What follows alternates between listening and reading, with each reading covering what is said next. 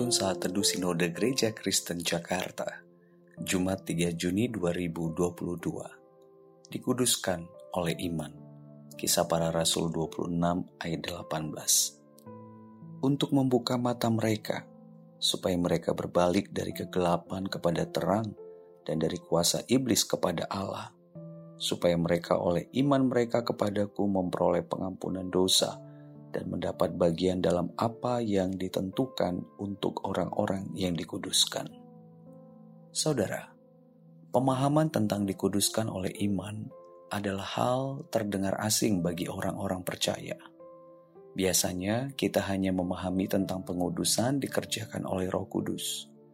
Karya Roh Kudus menuntun, mengubahkan, mengajar, dan menolong orang-orang percaya tetapi istilah ini digunakan oleh seorang teolog bernama Anthony Huckema dalam bukunya berjudul Saved by Grace atau diselamatkan oleh anugerah.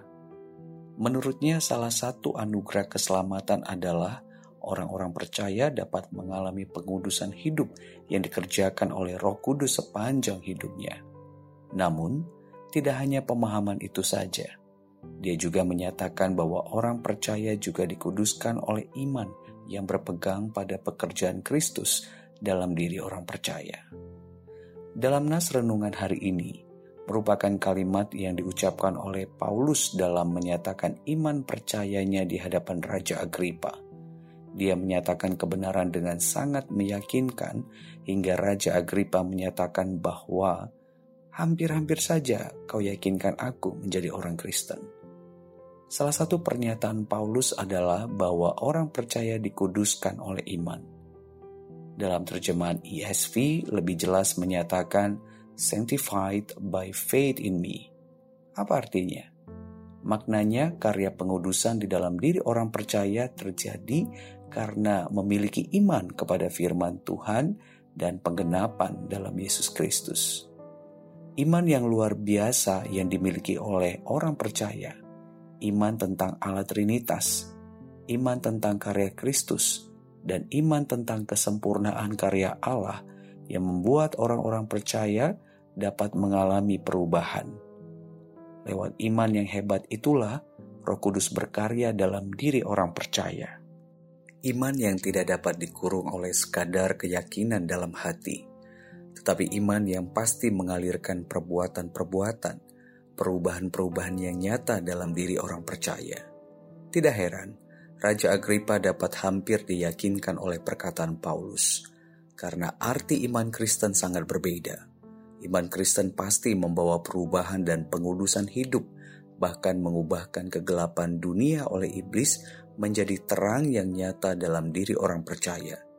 Iman seperti ini lebih dari sekadar kepercayaan atau keyakinan agama pada masa itu dan Paulus adalah bukti nyata dari pengudusan oleh iman percayanya. Dalam 1 Yohanes 5 ayat 4 menyatakan, Inilah kemenangan yang mengalahkan dunia, iman kita. Selama ini mungkin kita tidak benar-benar memahami kuat dan dalamnya iman Kristen yang kita pegang, sehingga sering kali kita tidak benar-benar ingin mengenal firman Tuhan.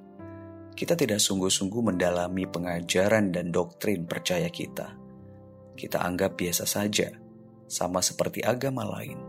Tidak heran, banyak anak Tuhan yang tidak mengalami pekerjaan Roh Kudus yang hebat, yang mengalirkan aliran hidup bagi sekitarnya, bukan karena tidak mengetahui perbuatan salah atau benar, tepat atau tidak tepat, tetapi justru melupakan dasar iman percayanya yang tertulis di dalam Alkitab, tidak benar-benar memegang teguh dalam mengenal iman sendiri. Sebaliknya, jika kita benar-benar menghidupi iman kita, maka kuasa dan kebenaran akan memampukan kita mengalahkan dunia dan segala keinginannya. Karena itu, jangan pernah berhenti tertanam dalam firman kebenaran dan berpegang pada iman percaya kita. Roh Kudus akan bekerja dalam iman percaya kita. Saudara, karya Roh Kudus membawa perubahan bagi orang percaya yang dikerjakan melalui iman yang berpegang pada kebenaran Kristus dan firman-Nya. Tuhan Yesus memberkati.